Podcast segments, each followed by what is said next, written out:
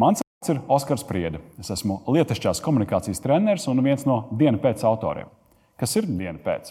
Tā ir interneta mēdīņu platforma, kurā par intelekta attīstībai noderīgiem un svarīgiem tematiem tiek izjautāti viedokļi līderi Latvijā. Iekārtojas ērtāk, jo tevi sagaida kārtējā interesantā saruna.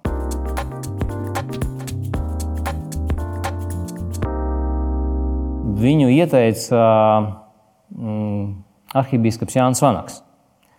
Kā cilvēku, kurš, ilg, kurš ir dzimis Latvijā, ilgstoši dzīvojis Amerikā, mācījies, atgriezies Latvijā, Amerikā pabeidzis universitāti un ir kiberdrošības speciālists, vienlaikus arī mācītājs Latvijas draudzē, un tagad arī to pašu dara šeit.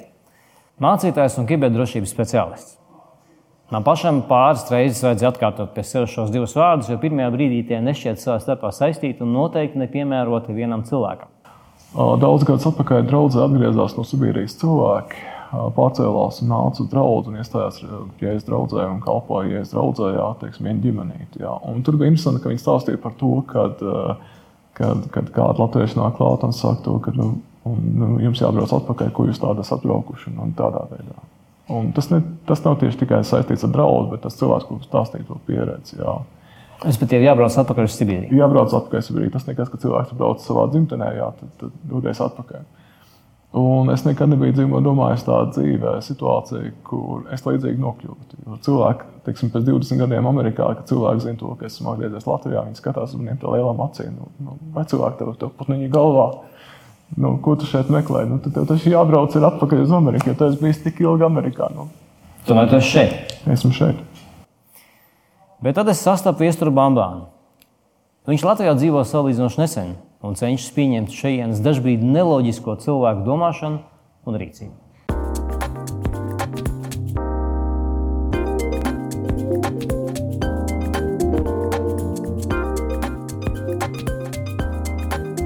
Dienu pēc arhīvā atradīsiet sarunu ar pianistu Vestāru Šīmku.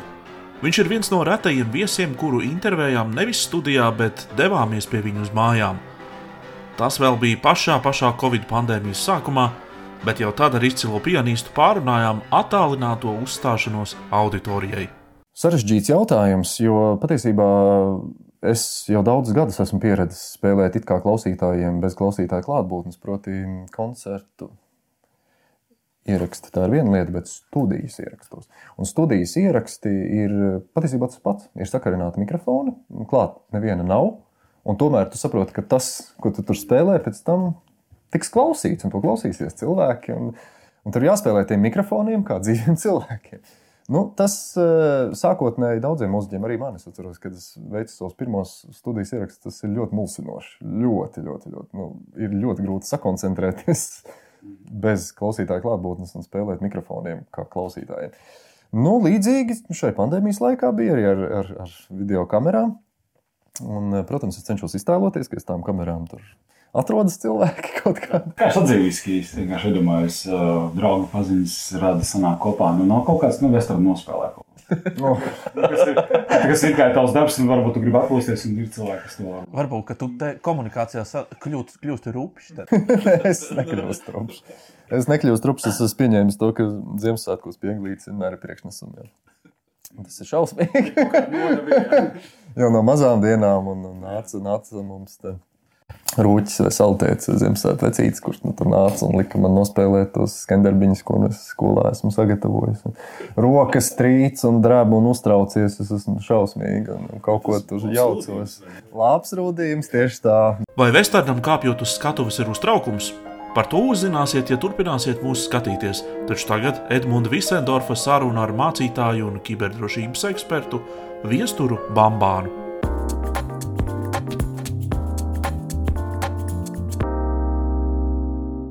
Kašmīriešu izcelsmes britu rakstnieks un Bukera prēmijas laureāts Sērs Ahmets Salmans Ruždī, kurš kopš 1989. gada ir viens no vairāku valstu slepeno dienestu apsargātākajiem un dzīvajiem mūsu laikabiedriem, esot teicis, nav tāda jēdziena kā ideāla drošība, ir tikai dažādi līmeņi nedrošības. Manuprāt, tas ir godīgākais un precīzākais drošības jēdziens, kādu esmu lasījis, dzirdējis un arī kam pilnībā pievienojos. Bet, ja pieļaujam, ka rakstniekam un mērenajam rietumu um, musulmanim ir taisnība, tad um, drošība ir utopija, kas nekad nav, nebūs. Rodas jautājums, kur tavuprāt tā drošība slēpjas, jeb varbūt drošība varam būt tikai pēc nāves. Um, drošība ir tāds ļoti plašs jēdziens, un tas saistās vienkārši ar drošību ģimenē, drošību publiskajā telpā, drošību internetā telpā. Un, uh, tas viss kopā veido šo drošību, kurā cilvēks jūtas ērti. Un tas, kas ir interesantākais, ir tas, ka kādreiz var redzēt Rīgā vai arī kādā, teiksim, kādā citā pilsētā, Amerikā vai kur citur, ka cilvēki izkāp laukā, kur viņi ir labi situēti, vai viņiem ir autoritāte kaut kādā vidē, un viņi iet publiskā telpā ar šo autoritāti. Un viņi nav piemērojušies tādai tā drošības līmenim, kas ir publiskā telpā. Tad var redzēt, ka cilvēks ir novietojis somiņu tā, ka Zaglis to var paņemt, telefonu maciņu var paņemt. Un cilvēks to nepamanā, jo nav, viņam nav klātesamības faktors viņa, viņa apziņā, viņa domāšanā. Un, līdzīga situācija ir arī, teiksim, teiksim, kad cilvēks ir mājās, jā, teiksim, ja viņš lieto datoru, tad šī publiskā telpa ienāk iekšā ekranā. Un cilvēks kādreiz nepārslēdzās, ka tas, ko viņš dara uz datora mājās, viņš varētu, tas ir tikpat droši, ja viņš to darītu internetā. Un tās pārslēgšanās pavisam īsi. Nu, trešais piemērs šai pārslēgšanai publiskā telpā ir, kad publiskā telpa pavisam tuvu iet, un, un publiskā telpa kādreiz iet pavisam tuvu cilvēka uh, intīmajā pasaulē, tad brīdī ar šīm smart iekārtām, tā kā piemēram smart TV vai smart Alex vai jebkurš cits viedierīts, kura klausās. Un, ja cilvēks nolieto mājās, teiksim, routeri, kurām ir VPN, vismaz VPN, par firewall vispār nerunājot, jā, tad cilvēks ieaicinājis ir pilnu, pilnu pasauli nepazīstamiem cilvēkiem savās mājās iekšā. Un viņam šie, viņš domā, ka viņš ir drošs, bet nu, patiesībā tur pāris teiksim, pulciņš cilvēku ļoti labi vēro šo cilvēku un kādreiz var vērot un redzēt, kur viņš ir. Tā kā drošība veidojās tādā cilvēka apziņā, ka viņš ir klātesošs. Uh, Dr. Alberts uh, Ellis, kurš ir uh, Rational and Motive uh, Cognitive uh, Behavior uh, terapija uh, dibinātājs. Viņš kādreiz cilvēkam deva šādu uzdevumu, ka cilvēki bija ļoti, ļoti aizrāvušies domājot par to, par to ko citi cilvēki teiks. Un tas, tas viņa cilvēks ir tā pārņēmis, ka cilvēks neredz ne klātienē, nekā. Un viņa uzdevums bija tāds, ka, um, ejot uz darbu, uzvelciet dažādas krāsas kurpes. Un saskaitiet, cik cilvēki ir pievērsuši jums uzmanību, ka jūs ejat uz darbu dažādas krāsas kurpēm. Un uzdevums ir divējāds. Pirmkārt, cilvēks skatot citus cilvēkus, un otrkārt, viņš jau ir klāt pie tā, ko viņš dara. Tātad drošība ir tā, ka cilvēks apzinās tur, kur viņš atrodas. Jā, tas ir, ir ļoti laba, manuprāt, interesanta atbilde. Tad, tad, nu, kā es saprotu, tā drošība ir tāda, tāda ģenerālā nozīmē tā, protams, ir utopija, bet mēs varam būt lielākās drošības sajūtās, ja mēs sekojam zināmiem priekšrakstiem un savai uzvedībai un skatāmies, kas notiek apkārt un pakārtojam savas darbības tam, kas notiek apkārt. Jā, un tad ir tāda viens izņēmums, un tad ir kāda, tā kā katrā tādā pieņēmumā ir savs izņēmums. Jā. Jā, un noteikti, ka cilvēki, kas skatās CSI un citas, teiksim, kriminālās teiksim, seriāls par izmeklēšanu, par to, oh, jā, ka, tie ir Latvijā populāri. Ka, ka visas lietas var atrisināties piecās minūtēs, un noteikti, noteikti profilings, un cilvēks teiksim, piecās minūtēs zina, ko cilvēks, ko šis maličs aktors, ko viņš ir veicis un darījis. Jā. Bet te ir kāda īpatnība. Tagad, cilvēks, kad cilvēks nokļūst kā upuris, viņš saņem traumu. Tad, kad cilvēks, kurš ir noziedznieks, veids vardarbību, arī viņš saņem traumu. Atšķirība ir tā, ka tas cilvēks, kurš, veid, kurš ir noziedznieks, viņš, uh, viņam sākās process, kas ir teiksim, personības. Teiksim, Čārlzam Mansonam šis process bija apmēram 2,5 gadi, uh, kur cilvēks pazaudēja pilnību personību. Un vienā no šiem procesiem tur ir vairāk soļi. Un, tātad, vienā no šiem procesiem ir tā, ka cilvēks paliek dusmīgs tas, kurš ir šis malicious actor, viņš paliek dusmīgs. Un viņš ir dusmīgs, un viņam nepalīdz nekādīgi atslēgties no šīm dusmām. Un tad vienīgais veids, kā viņš saprot, kā viņš var būt laimīgs, viņš var būt laimīgs, būt atkal nebūt dusmīgs un būt laimīgs, tad, kad viņš nogalina otru cilvēku. Un tad notiek situācija tāda, ka šis cilvēks uh, meklē, viņš izvēlās cilvēku pilnīgi gadiem pēc uz ielas, vienalga. Ne pēc uh, dzimuma, ne pēc izskata, nav nekādas saistības. Un, lai ko cilvēks, kas ir potenciālais upuris, teiktu šiem slepkavam, jā, savam slepkavam, tas neko ne, nebūs dzirdīgs, jo tas cilvēks ir ļoti, ļoti uzvilkts, viņš ir dusmīgs. Un tad notiek slepkavība cilvēks, kas ir veicis slepkavību, ir laimīgs, priecīgs, gandarīts, un tad tie cilvēki, kur veic šo izmeklēšanas procesu, viņi neatrod nekādu savienojumu punktu starp šo cilvēku, kas ir veicis slepkavību, un cilvēku, kurš ir bijis upuris. Arī tas ir tāds izņēmums. Respektīvi, bet vai šādu izņēmumu nav pārāk daudz?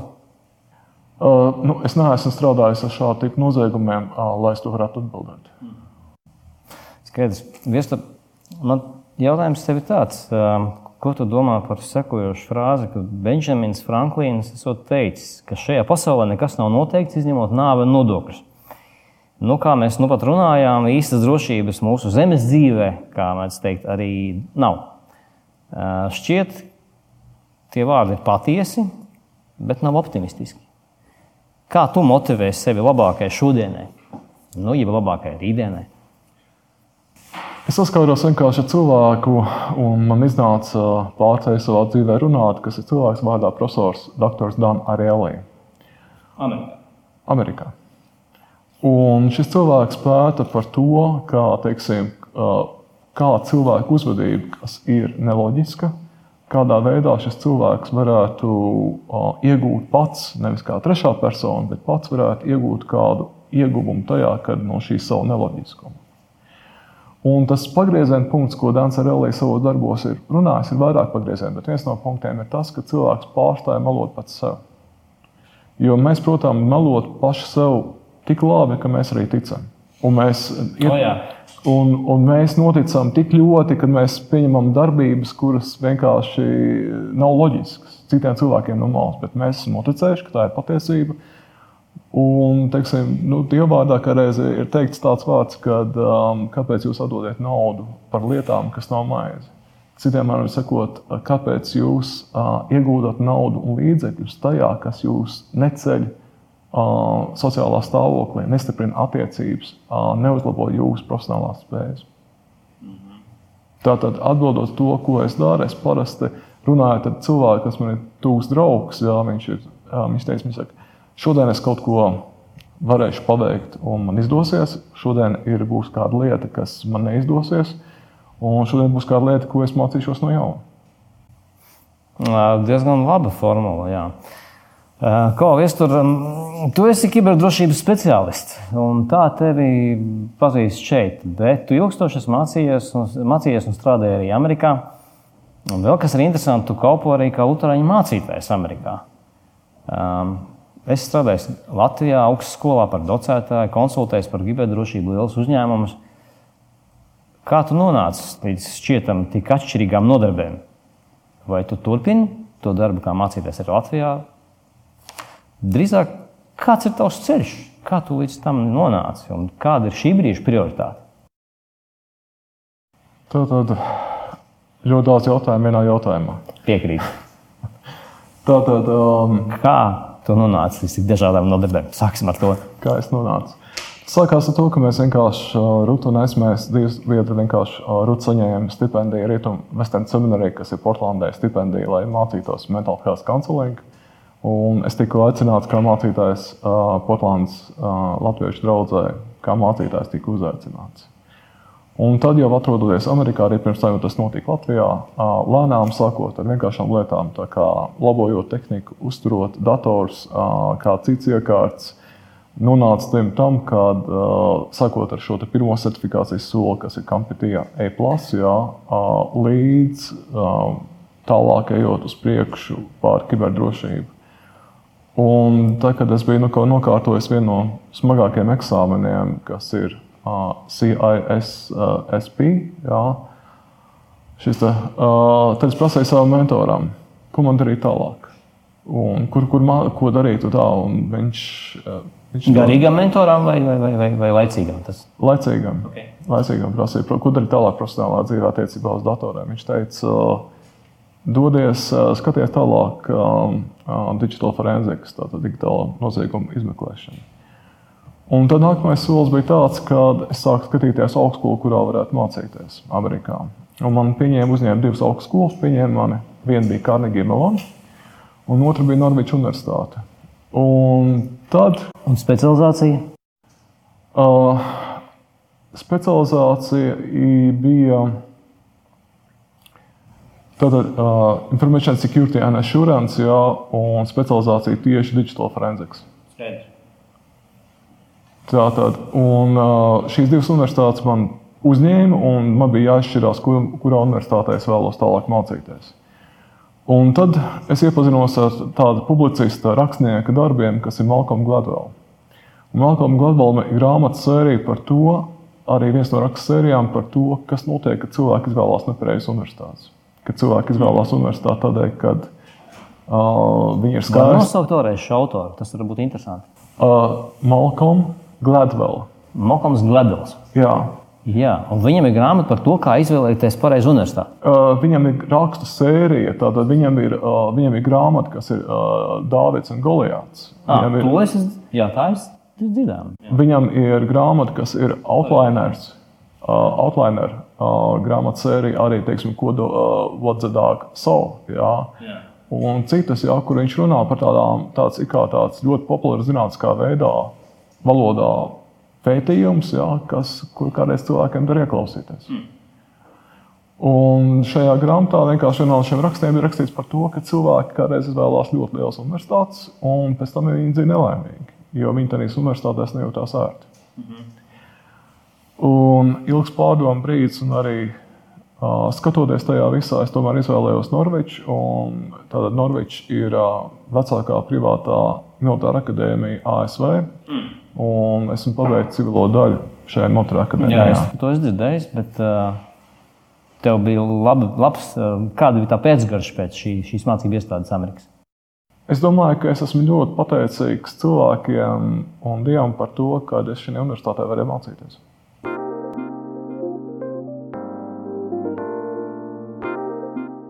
Dāmas un kungi, piekdien, 26. novembrī šovā 8. ar Eglīti un mani, Petersonu, skatieties sarunu ar nevienu citu kā rakstnieku, futurologu, mūzikas producentu, mūziķu no savulaik slavenās apvienības Army of Lovers, Zviedru Aleksandru Bārdu. Ar Aleksandru mēs pārunāsim, protams, daudz dažādas lietas, kas ir saistītas ar politiku, ģeopolitiku, šo pašu kancelēšanu un tā tālāk. Viņš ir ļoti vokāls, aktīvs dalībnieks Twitterī. Tie, kas nezina, paskatieties, kā saka, tā, mūsu šova draugs. Tā, Jā, mēs, es, es viņam gribu pajautāt, tā, ka pēdējo reizi mēs runājām ar viņu. Viņš stāstīja, kā viņam riebjās viss šī veco ļaužu būšana mūzikā, ka tas viss ir veco ļaužu problēmas un tā tālāk. Es gribu zināt, ko viņš domā par abām pusēm. es domāju, ka būs diezgan kas sakāms.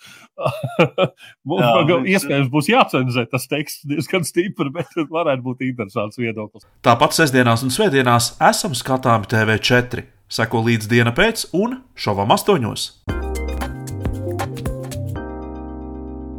Vai esi jau pierakstījies mūsu YouTube kanālā?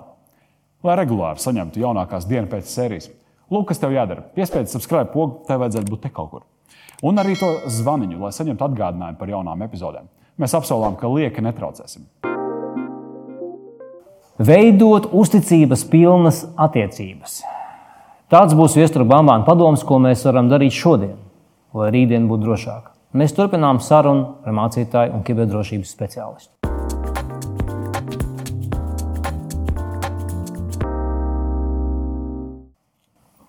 Viens no kristīgās baznīcas tēviem, Aurēlijas Augustīns, jeb Svētais Augustīns, esot teicis, lai ieraudzītu patiesību, mums kaut uz brīdi vajag iedomāties, ka mums nav zināma nekāda patiesība.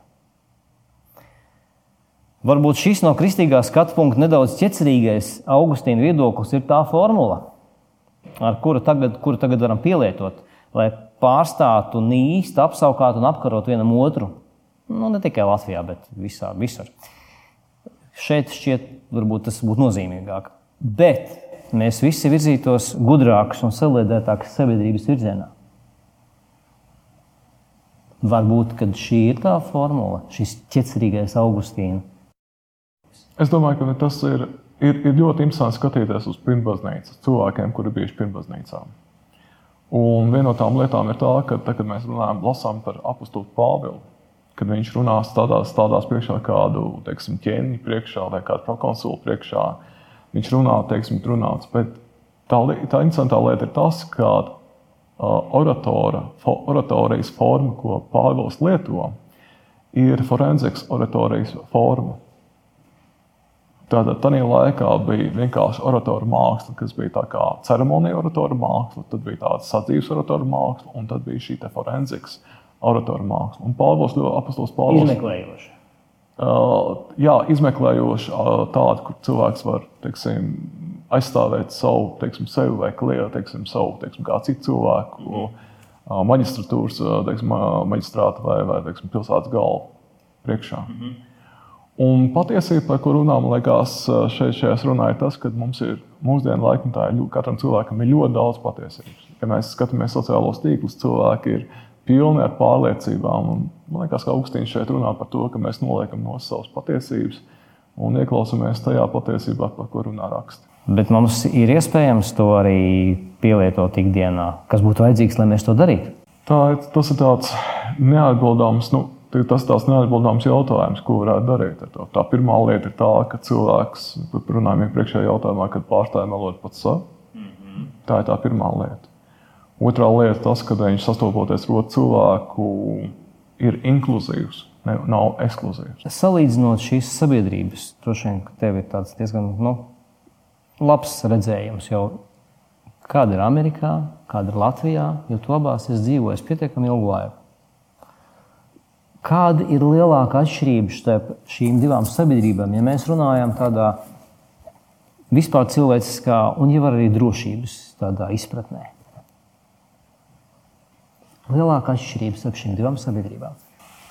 Teiksim tā, ja runā tieši par uh, psiholoģiskā aspektu, jā, tad aspekts ir tāds, ka Latvijā ir cilvēkiem grūtāk saņemt palīdzību. Uh, Tieši tādēļ, ka teiksim, cilvēki ierobežoti ir materiāli, bieži vien. Jā. Ja viņiem jārisina psiholoģiskas traumas, kas viņu dzīvēs notikušas.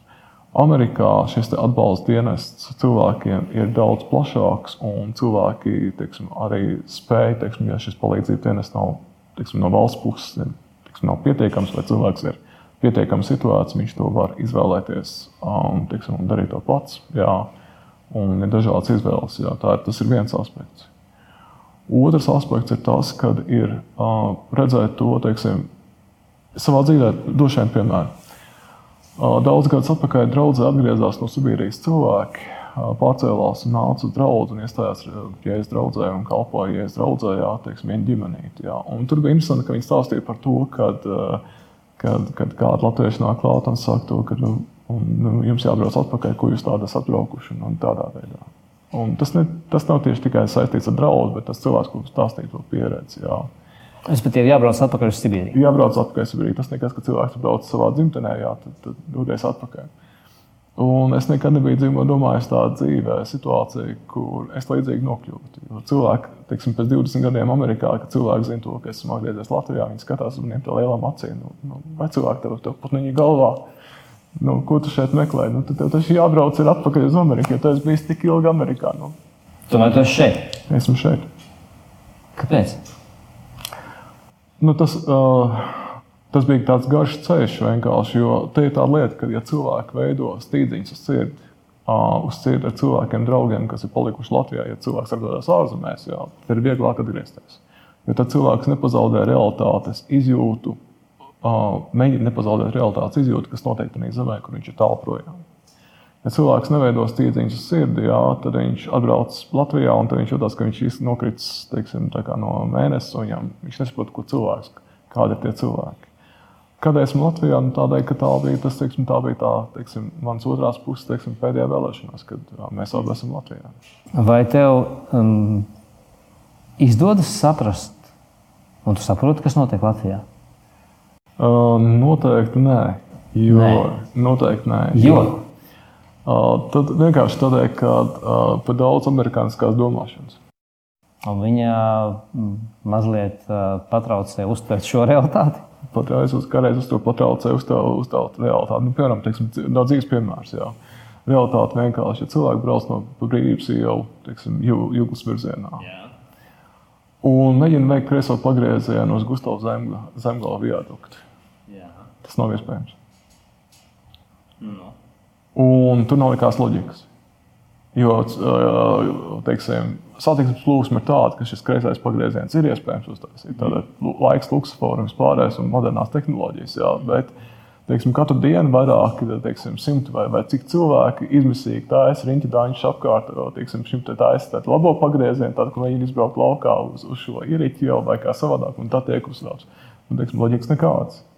Bet mēs to esam visi, teiksim, cilvēki to visi ir pieņēmuši, ka tas ir optimāli var darīt nu, viņiem droši vien tiem, kas to dara, tur kaut, ko, kaut kādu loģiku viņi saskata, teiksim, un tie, kas tā, tādu satiksmi ir ierīkojuši, arī kaut kādu loģiku ir saskatījuši. Bet es saprotu, ka tu to nesaskatīji. Es nesaskatu, jo tas nozīmē, to, ka katru dienu teiksim, cilvēki pazaudē teiksim, vismaz 10 minūtes tajā, lai viņi veiktu šo manēru. Un, ja cilvēks summē to pa dienām kopā un par gadiem, tas ir pazaudēts laiks, kas nav bijis. Godīgi, jā, bet uh, es par to, par to pusi regulāri nebraucu. Bet, uh, tā, kad tu saki, es atceros un sāku piedomāt, jā, tev varētu būt taisnība. Jā. Tā tas varētu būt. Un tādu lietu daudz ir Latvijā. Nu, esmu pārāk maz īsti laika šeit, Latvijā, lai es varētu teiksim, pateikt, ka ir daudz. Bet kādreiz kā, kādas lietas sastopās. Kādreiz cilvēki teiksim, pajautā, teiksim, ka teiksim, ir kaut kāda maksājuma, kas komunālā maksājuma, kas un cilvēki saka, vai, ne, vai, vai jūs nezināt to, ka tas ir jādara tādā veidā? Es saku, nu, es saku, atvainojiet, es nezinu, es kādu laiku neesmu bijis Latvijā. Okay, bet šī kopējā sajūta tevi, tas, kas, to, ko tagad redzi, un kā, to, ko tu piedzīvo, tevi, mm, tu gribi turēties šeit, vai tu pieļauj domu atgriezties Amerikā? Tas ir tas, jaut, tas ir jautājums, ir, teiksim, Kāds, kāds vecs teiciens, jā, teiksim, izstāsta dievam savus plānus, un tad kādreiz dievs pasmēsies. Jā, un, par ko pasmēties. Jā, un tā ir tā situācija, kad ir tāda lieta, kā ir jākap nosacījums. Jā, mēs nezinām, kā būs, jā, mums ir tikai šī tagadne, kurā mēs dzīvojam. Klau, ko um, tavuprāt mums uh, būtu jādara šodien, vai rītdiena būtu drošāka? Tas, uh, kad mēs veidojam uzticības pilnas attiecības ar vidē, kurā mēs esam. Pirmkārt, savā ģimenē, ar saviem kolēģiem. Attiecības. Attiecības. Uzticības pilnas attiecības. Kad mē, tas nav viegli. Un tas ir galvenais aspekts. Jo tas, ko cilvēks var mainīt savā dzīvē, ir tā tālāk, sakot, izstiept rokas attālumā. Vairāk viņš neko nevar mainīt. Veidot uzticības pilnas attiecības ar cilvēkiem, kas, kuri mums ir, teiksim, tā kā teiksim, ģimene, draugi, darba biedri, kolēģi. Tās ir lietas, ko mēs varam mainīt.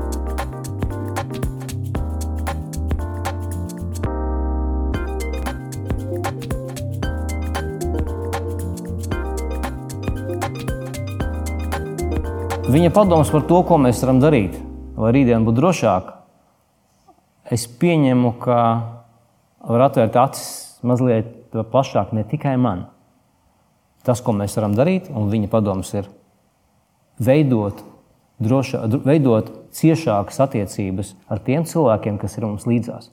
Jebšu mēs varam savā dzīvē mainīt tikai to, kas atrodas rokas stiepienā attālumā. Tā patiesi mainīt, citu neko. Šī lieta, es domāju, būtu ļoti forša, ja mēs pie tā piedomātu ikdienā.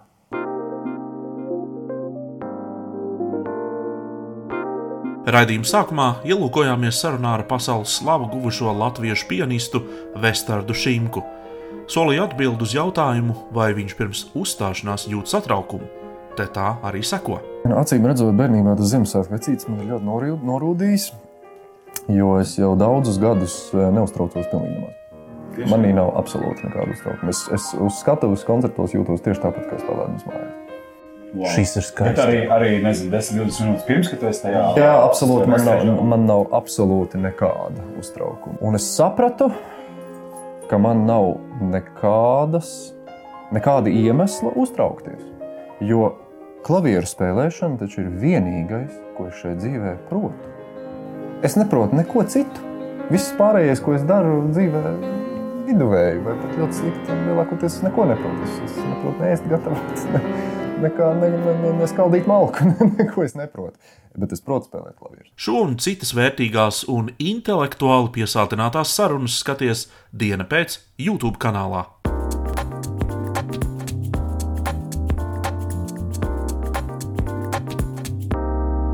Paldies Edmundam par vēl vienu aizraujošu sarunu.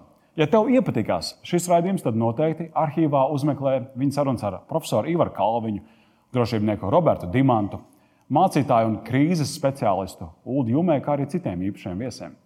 Nākamajā raidījumā, diena pēc vide rubrikā, autors Mārcis Simonovičs par ilgspēju un zaļo domāšanu iztaujās Sebbankas vadītāju Ievu Teteru. Šīs sērijas redaktors bija Kristaps Petersons, par montāžu rūpējās Edgars Eglīts, bet pie kamerām bija un arī šobrīd aiz tām stāv Artūrs Liepiņš un Mihails Safrānovs.